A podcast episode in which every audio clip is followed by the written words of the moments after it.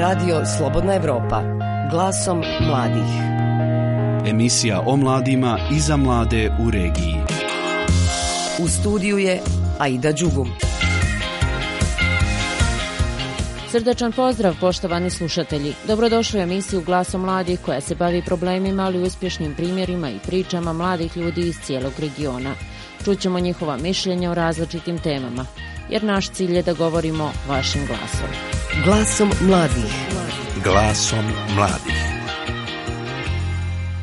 20 godina nakon Zagreba, Beograda i drugih gradova u zemljama regiona u Sarajevu bi 8. septembra trebala biti održana prva parada ponosa. Sama najava izazvala je burnu reakciju javnosti. Bilo je tu i pozitivnih, no većinom su bili negativni komentari, uglavnom izrečeni na društvenim mrežama. Nisu izostale ni prijetjeći pozivi na nasilje, govor mržnje, ali napadi. U centru Sarajeva fizički je napadnuta djevojka, pripadnica LGBT zajednice dok je hodala ulicom. problem Napadač muškarac srednjih godina prijetio je njoj njenoj djevojci zbog njihovog neheteronormativnog izgleda i činjenice da je najavljena prva bosansko-hercegovačka povorka ponosa. To im je jasno i rečeno. Dan poslije djevojka je fizički napadnuta. Kako je navedeno u saopštenju za javnost Sarajevskog otvorenog centra, ovaj napad rezultat je oštre rasprave o najavi prve povorke ponosa u Bosni i Hercegovini. Time se otvara pitanje koliko su ljudi u društvima poput bosansko-hercegovačkog, srpskog i crnogorskog uopšte svjesni suštine organizovanja parade ponosa, zašto neko javno pokazuje koja je njegova seksualna orijentacija, te koliko je to važno u borbi za ljudska prava. Šta o tome misle mladi Sarajeva, Beograda i Podgorice, poslušajte u narednim minutama. Anketu iz Sarajeva donosi Amir Purić. Većina studenata s kojima smo razgovarali ispred zgrade Filozofskog fakulteta u Sarajevu smatra da su povorke ponosa bitne zato što imaju za cilj da podignu svijest javnosti o univerzalnim ljudskim pravima. To mišljenje dijeli i Maša. Mislim da su poprilično bitne. Mislim, dosta ljudi ovdje sad, jel, protiv toga normalno, vidjela sam na Facebooku. Ja iskreno podržavam sve, to je nekako osobni izbor. Tako da ja sam poprilično otvorena što se tiče toga i to trebalo bi to napraviti. Mislim, ja iskreno, ja čak sam razmislila da odem, evo ne izjašnjavam se kao gej, stvarno mislim stricom, ali razmišljala sam da odem čisto da podržim, ali mi u jednu ruku isto tako strah. A zašto mislite da se uopšte? Kome se Pa da se digne malo awareness, da se malo, valja ljudi da malo postanu otvoreni da vide da ima i drugih stvari koje je normalno, mislim koje, koje su ok, koje bi trebalo biti prihvaćene. S njenim mišljenjem se ne slaže Draško koji smatra da povorke ponosa uopšte nisu bitne, a svoj stav objašnjava ovako. Pa smatram da baš nisu bitne, ja lično ne podržavam te parade ponosa. Isključivo da se to ne propagira kao nešto normalno, ono, nije isključivo, svako ima svoje opredjeljenje, ali mislim da to treba ostati u njihova četiri zida i nek svako radi što hoće, mislim da je parada, da je to neka vrsta sekte. Azam je student sociologije i u načelu smatra da su povorke ponosa važne jer... Ako se gleda iz neke kritičke pozicije vladajući, vladajuće strukture, narativ vladajućih struktura koje su zapravo veoma histerično desničarski orijentisane i konzervativno, koje poučavaju o nekakvom sistemu kontrole i, i zapravo se postavljaju poziciju moralnog učitelja ovaj, društvenih kretnji svih. Mislim da ta struktura treba da padne i mislim da je povorka ponosa jedna dobra alternativa tome. Ipak kritički se odnosi prema organizatorima povorke jer smatra da imaju jednosmjerne i uske ciljeve. Trebalo bi njihov imperativ malo se produže i malo još više da se uklope u marksističku teoriju, ali u svakom slučaju kao neka avangardna snaga mislim da je to jako dobro i jako dobro da se dešava ovdje u ovom gradu u, u postratnom ambijentu i opet kažem super je odgovor za vladajuće strukture koje vladaju za 20 godina. Dok Azem ovoj temi pristupa sa marksističkih pozicija, sumeni stavovi su bliži klasičnom liberalizmu. Ona smatra da svi trebaju biti slobodni da o svakom pojedinačnom pravu govore gdje i kada žele. Što se tiče mladih i njihovih stavova, uvijek ih trebaju iznositi u obliku povorke, u obliku bilo čega, jer smatram da je ovo doba 21. stoljeća gdje svi trebamo da iznosimo naše stavove i našu percepciju toga šta su naše pravo. Tako da smatram da bi bilo dobro da svako bez ikvih dodira ili bez ikvih osuđivanja treba da e, sve svoje, sve svoje mišljenje kaže bilo u četiri zida, bilo u javnom prostoru. Iz Sarajeva za Radio Slobodna Evropa, Amir Purić. Četiri parade ponosa do sada su održane u Crnoj Gori. Prve dvije obilježili su incidenti, dok druge dvije prošle su mirno.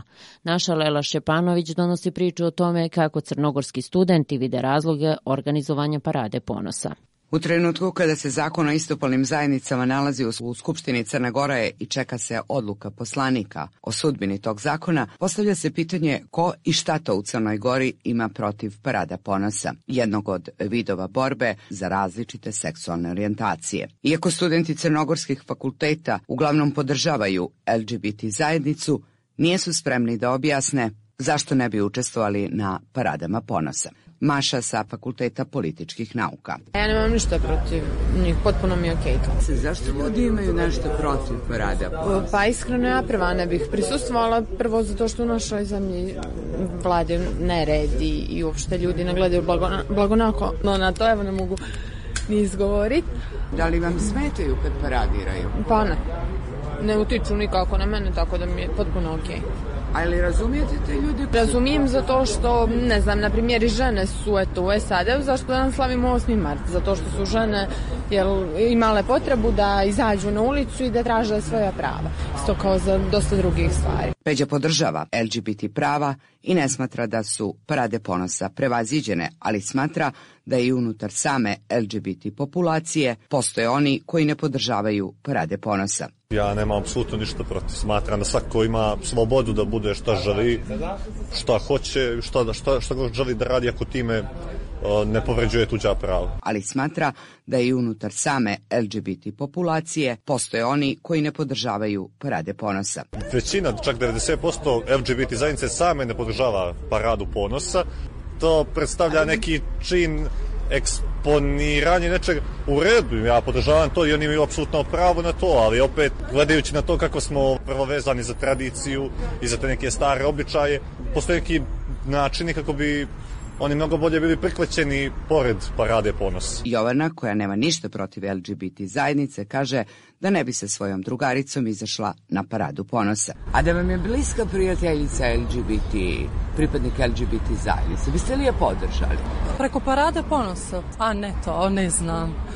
Ne znam sad. Zašto? Znam da mnogi ljudi koji su LGBT isto ne podržavaju te parade. Milica zna djevojke koje uvijek šetaju kada su parade ponose iako ne pripadaju LGBT zajednici, a ona objašnjava zašto ne bi učestvovala. Iako kaže da su te parade potrebne, dogod se LGBT zajednica ne izbori za svoja prava. Smatram da trebaju da budu ravnopravni, iako to ima dosta diskriminacije, dosta nasilja nad njima, E, ne smatram da je baš prevaziđen način, ali jednostavno nešto ne volim to javno eksponiranje. Smatram, evo, ako e, osobe koje nijesu LGBT populacija se ne eksponiraju javno, ne moraju da dokazuju svoju seksualnu orijentisanost, smatram također, također da ne trebaju ni oni. To što rade između četiri zida treba da ostane između četiri zida. Iz Podgorice, za Radio Slobodna Evropa, Lela Šćepanović. Uprkos napretku i održavanju pet godina parade ponosa u Beogradu, ljudska prava LGBT populacije u Srbiji dalje su ugrožena. Prema podacima nevladine organizacije Equal Right Association, čak dvije trećine građana Srbije se protivi pravu da se LGBT osobe vjenčaju, a 28% misli da je homoseksualnost bolest. Mladi sa kojima je razgovarao naš Dušan Komarčević imaju različite stavove o paradi ponosa.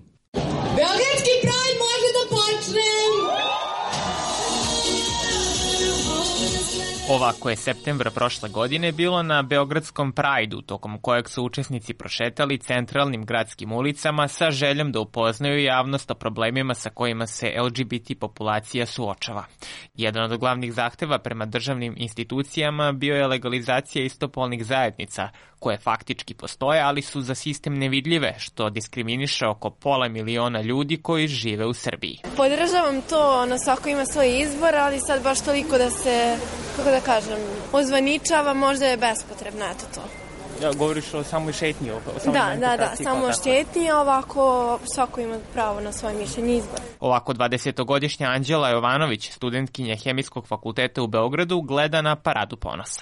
Drugačiji stav ima njena koleginica sa Hemijskog fakulteta Anđela Križan. Cela poenta parade ponosa jeste davanje vidljivosti grupama koje generalno nemaju i mislim da svako na ovom svetu kogo daje i šta god daje zahteva bilo kakvu vrstu vidljivosti i bilo koju vrstu zaštićenosti i mogućnosti da postoji bez straha od kamenovanja u krajnjoj liniji. Sa njenim stavom slaže se 22-godišnja Ivana Trivunović, takođe studentkinja Hemijskog fakulteta. Mislim da je to apsolutno nešto što je potrebno i da, da bi društvo bilo svesno da nešto postoji, mora da ga vidi, a da bi ga videlo mora to da bude neki, van nekih svakodnevnih okolnosti. 20-godišnja Anđela Stamenković smatra da protestnom šetnjom ne može mnogo toga da se promeni. Pa ja mislim da svako ima pravo na to da u svoje četiri zida radi šta hoće, ali da je ta šetnja samo po sebi bespotrebna jer e, taj novac koji se uloži u to može mnogo korisnije stvari. Kad čujete argument recimo da je šetnja prosto bitna da bi ljudi ošte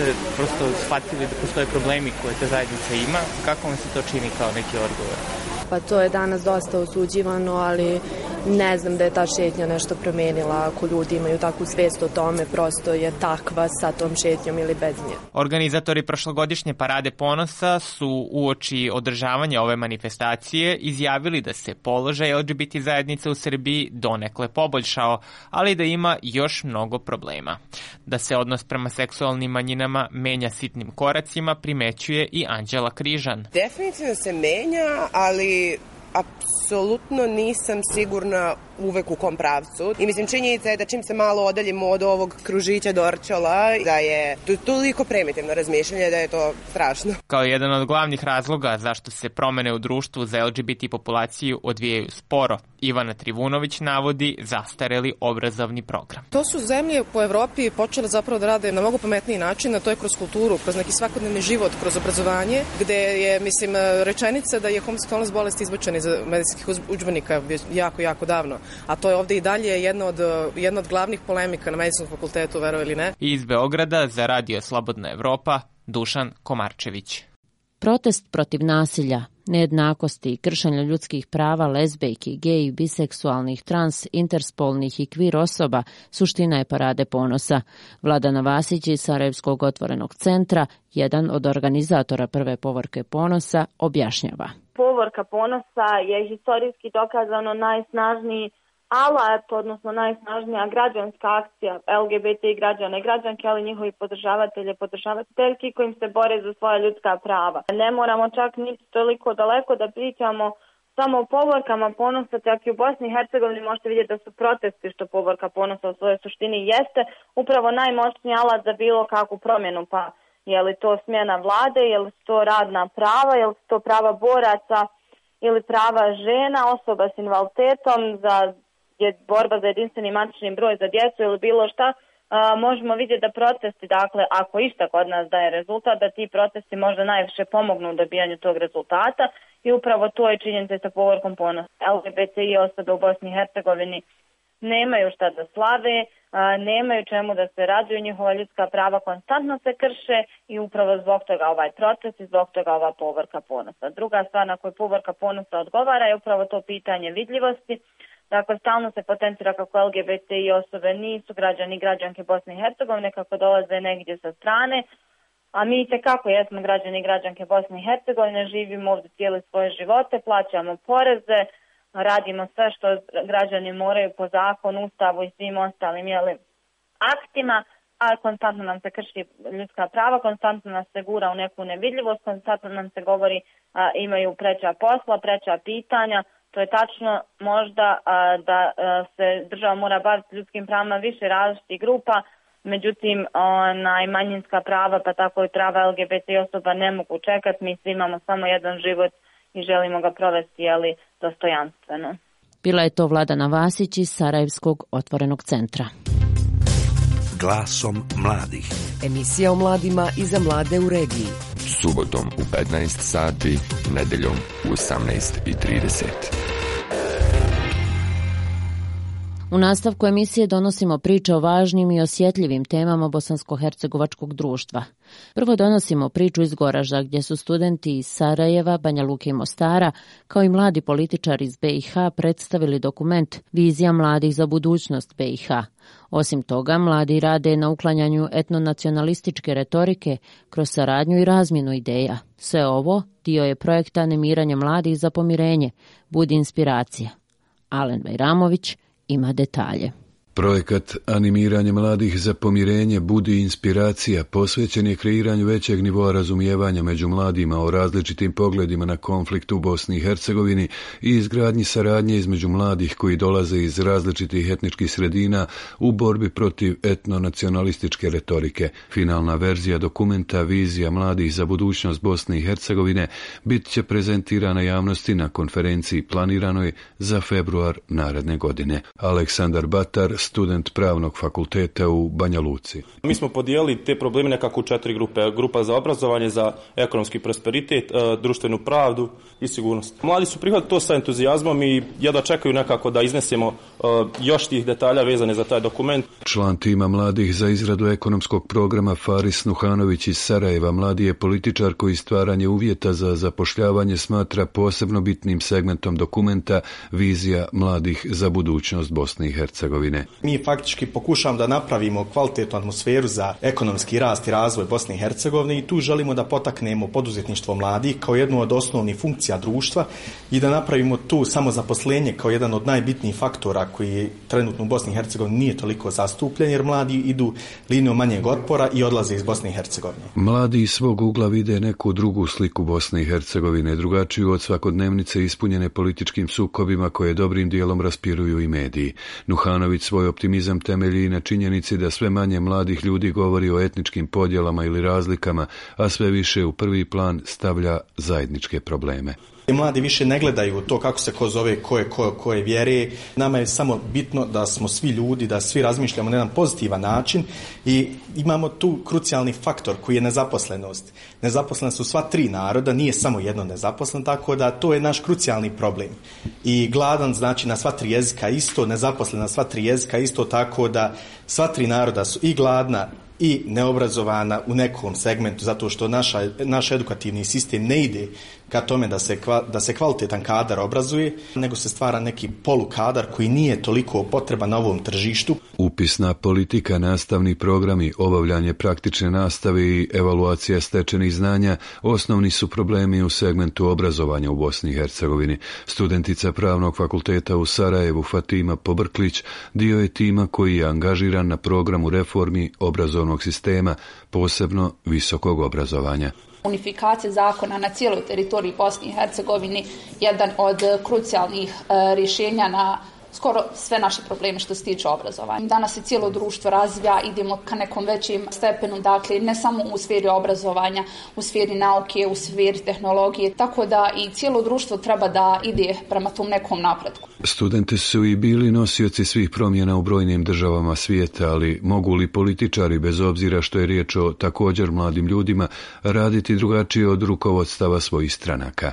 Jedini političar među našim sagovornicima, Faris Nuhanović, uvjeren je da su i oni protiv dosadašnjih etničkih podjela i svađa, a razlog je po njemu veoma praktičan. Svi idemo na te promjene zato što ako ovaj trend se nastavi, nikog neće ostati u državi, tako da njih niko nikad neće moći zabrati zato što ovo će biti društvo starih, upravo ti mladi političari neće imati svoju svrhu, tako da je svima u cilju da u ovoj državi imamo prosperitet, da imamo dosta mladih ljudi, dosta mladih porodica, pošto to je jedan isto trend koji sada pada da mlade porodice odlaze iz cijele Bosne i Hercegovine. Za radio Slobodna Evropa iz Goražda, Alen Bajramović.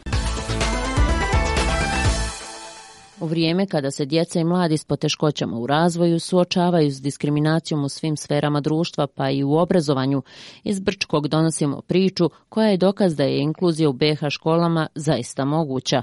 S mladim učiteljem koji je osim asistenta u nastavi jednom osnovcu postao i veliki prijatelj, razgovarala je Marija Augustinović. 26-godišnji Pajo Mrkonjić iz Brčkog, asistent je dječaku Urošu, učeniku prvog razreda osnovne škole koji ima cerebralnu paralizu.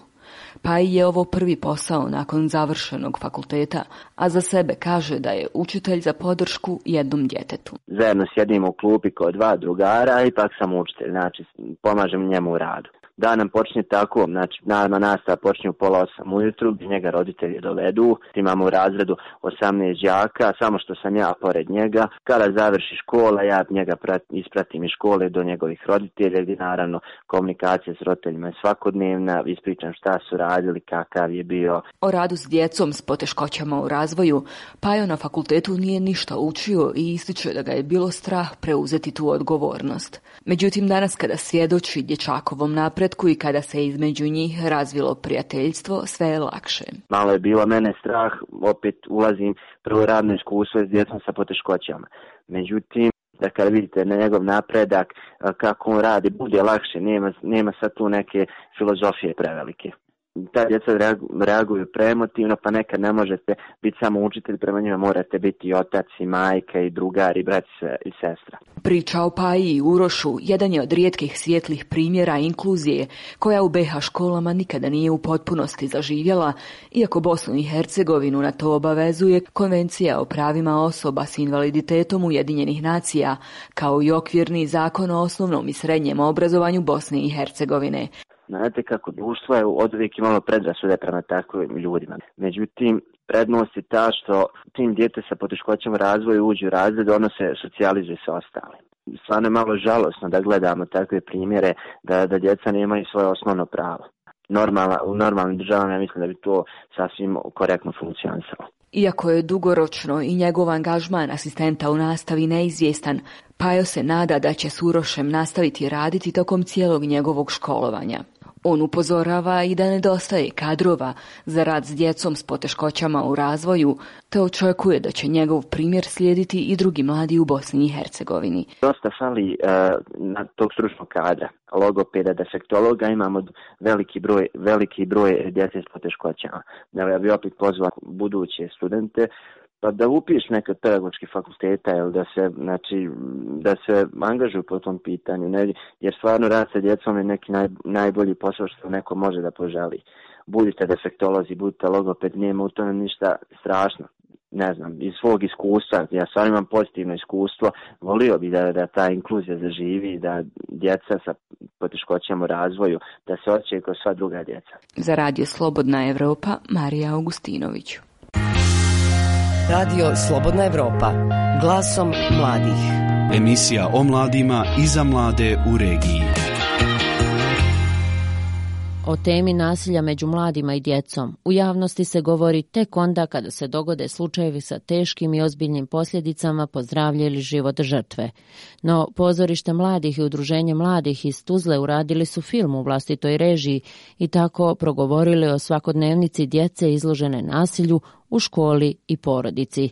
Sa glavnim akterima filma koji se zove Od gnjezda do zvijezda razgovarala je Maja Nikolić. 18-godišnja Hena Trutović u filmu Od gnjezda do zvijezda glumi djevojčicu Saru koja je u svom društvu neprihvaćena. Ona je zajedno sa svojim prijateljem Makom izložena nasilju. Hena Trutović nam kaže da je i sama uvidjela koliko je međuvršnjačko nasilje prisutno među mladima. Nije da sam ja lično doživjela, hvala mhm. Bogu, ali ima dosta i to je baš bio razlog zbog čega se želi napraviti ovaj film. Zbog te djece koje nemaju pomoć, a koji definitivno trebaju. Žalosno je iskreno koliko djeca mogu jedni drugima uništiti život samim riječima, a kamoli fizičkim. A 14-godišnji Adi Atlić također glumi u filmu dječaka Maka kojeg vršnjaci tlači u školi i žrtva je nasilja. Nikad ne treba da šutimo o tome, trebamo da svakom kažemo. Na primjer, da sam ja u tom mjestu Maka, ja bi otišao bilo kojem prosvjetnom radniku, pedagogu na primjer i rekao bi sve svoje probleme. Ne bi nikad šutio. Djeca imaju strah da kažu, a prosvjetni radnici oni to ne primijete i ne vide, tako da i ne znaju, a neki ne obraćaju pažnju. Dok neki imaju dok se neki brinu. Pozorište Mladi Tuzle je idealno mjesto, stvarno je ekstra. Nema nikakvih problema jer se svi problemi rješavaju ovdje u pozorištu Mladi. Jer svi, ako imaju neki problem, riješit će se taj problem. Film svojim realnim prikazom situacije, brutalnim prizorima i šokantnom kulminacijom nastoji probuditi potrebu roditelja da razgovaraju sa svojom djecom, provjeravajući proživljava li ono nešto slično – a da djeci pokaže koje sve posljedice nasilja mogu biti i do čega ono može dovesti. Adnan Mujkić, direktor pozorišta Mladih Tuzle. Fascinantna je činjenica da smo mi uspjeli za mjesec dana, nama je to relativno brz proces, savladati e, likove djece dakle, i koji oni igraju. Zašto je to nama fascinantno? Fascinantno je nažalost što je istina da su oni, oni koji u svojoj brzini vide takvu djecu. Tako da nije bilo teško da kažem da napravimo te uloge, ali ono što je bilo jako teško je nakon premijere i dva tesna prikazivanja filma za učenike škola, 5. 6. 7. 8. i 9. razred, zapravo to je ono što je bilo najstrašnije, gdje su naša djeca koja igraju u tom filmu razgovarala u forme okruglog stola posle odjedanog filma sa publikom. I to su nevjerovatne emocije, to su nevjerovatne priče, to su djeca koja podižu ruku s publike i pitaju se jesmo li mi njihovu priču uzeli, jer se to dešava njima. Ovaj film je pokazao ono što jeste osnovni zadatak umjetnosti, a to je ukazati na problem današnjeg bosansko-hercegovačkog društva. I drago nam je da smo među našom djecom, među djecom iz pozorišta mladi zapravo postakli to da nikad u životu ne budu niti nasilnik, ali možda još važnije, da ne budu oni koji su samo onako tu, jer oni zapravo doprinose tome da se nasilje širi. Pozorištu mladih Tuzle javljaju se predstavnici osnovnih škola kako bi što više djece pogledalo film i razgovaralo o međuvršnjačkom nasilju. Mnogo je važna ta komponentna da djecu koji igraju filmu vodimo sa sobom, koji sa svojim vršnjacima razgovaraju kao peer edukatori, kao neko ko je, kako da kažem, u situaciji da je bio u svojoj školi to, sad je odigrao ulogu na filmu i dvostruki savjet može dati svojim vršnjacima. Ali isto tako smo svjesni da nam je sad obaveza nestati na tome, jer ako se jedan problem otvori, on prosto ne može ostati, a da ako ništa drugo nije usmjeren, a bit ćemo sretni ako ga i zatvorimo. Za radio Slobodna Evropa iz Tuzle, Maja Nikolić. Glasom mladih. Emisija o mladima i za mlade u regiji. Nedjeljom u 18 sati i 30 minuta. Kako nije mogla naći posao u struci, 28-godišnja zeničanka Zerina Nezić odlučila je da sa svojom mamom napravi modnu marku. Detalje ima Ajla Heralić. Zerinina želja bila je da bude nastavnica bosanskog, hrvatskog, srpskog jezika i književnosti, a što nije bilo moguće s obzirom na sistem koji ne prati stvarne potrebe na tržištu rada, te tako dolazi do viška radne snage, govori Zerina. Međutim, nije poklekla, već je sebi, kako kaže, stvorila posao. Ističe da ukoliko se mladi suoče sa nezaposlenošću, onda barem ne bi trebali biti besposleni. Često sam slušala svoje kolege, kolegice kako govori da neće da radi druge poslove osim toga za što su završili. Mislim da je to pogrešno. E, razmislila sam čime želim da se bavim. Pored onoga što sam završila, smišljala sam plan B. Plan B mi je bio da šijem odjeću i tako sam pokrenula recimo projekat Telev Design da napravim sebi posao. Dakle, nije bitno da mladi ljudi e, se baziraju samo na na ono što su završili, na ono što želi da rade i da čekaju da im pokuca neko na vrati, kaže evo našli smo posao za tebe, nego ako smo nezaposleni, barem ne, ne, ne smijemo biti besposleni i stvarat ćemo sebi neke mogućnosti, neke nove poslove. Naziv za modnu marku Tevlev Design nastao je iz Zarinine igre riječima. Za vrijeme studentskih dana objašnjava kako je često slušala pjesmu Some Blue Velvet Morning i voljela je film Blue Velvet, tako da je riječ Velvet obrnula i dobila Tevlev. Od tada su je počeli zvati Tevlev i Tevlevka, a danas je to upotrijebila za svoju modnu marku. Prvi odjevni predmet koji je sašila bila je crna suknja. Trenutno najviše narudžbi za mamu i kćerku pristiže od djevojaka koji naručuju vjenčanice i svečane haljine. Moja mama je naučila da šije prije jedno 10-15 godina, nisam nikad se zanimala za to što ona radi, bilo mi je nekako uvijek kao da nije nešto. Znaš, shit, ok, nije nešto, ali sam vremenom uh, gledajući nju kako to radi shvatila da se kroz šivenje može pokazati dosta tvoja kreativnost, i da možeš da stvoriš neke stvari na koje bi mogao da budeš poslije ponosan i zapravo da je to jedna vrsta umjetnosti. Tako sam počela da se zanimam, pošto se zanimam za umjetnost općenito i to mi je počelo privlačiti pažnju. Njeno iskustvo i moje znanje u društvenim mrežama, u načinu kako funkcioniše današnja, današnji marketing, e, kako doći do kupaca i taj moj segment i njeno znanje, njeno iskustvo u, u okviru samog samog kroja, samog šivenja su se spojili u jedno i sad smo dobar tim. Zerina Nezić smatra kako je lijek za nezaposlenost poticanje mladih ljudi da pokrenu vlastiti biznis. Smetaju je to što školstvo ne potiče mlade da razmišljaju svojom glavom i ne uči ih da se snađu u svijetu biznisa te kako da svoje ideje pretvore u posao. Za radio Slobodna Evropa iz Zenice, Ajla Heralić.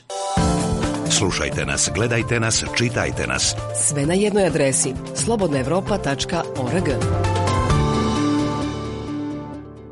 Bilo je to sve u ovo sedmičnoj emisiji Glaso mladih. Iz Sarajevskog studija pozdravljaju vas Enes Hrnječić i Aida Đukić.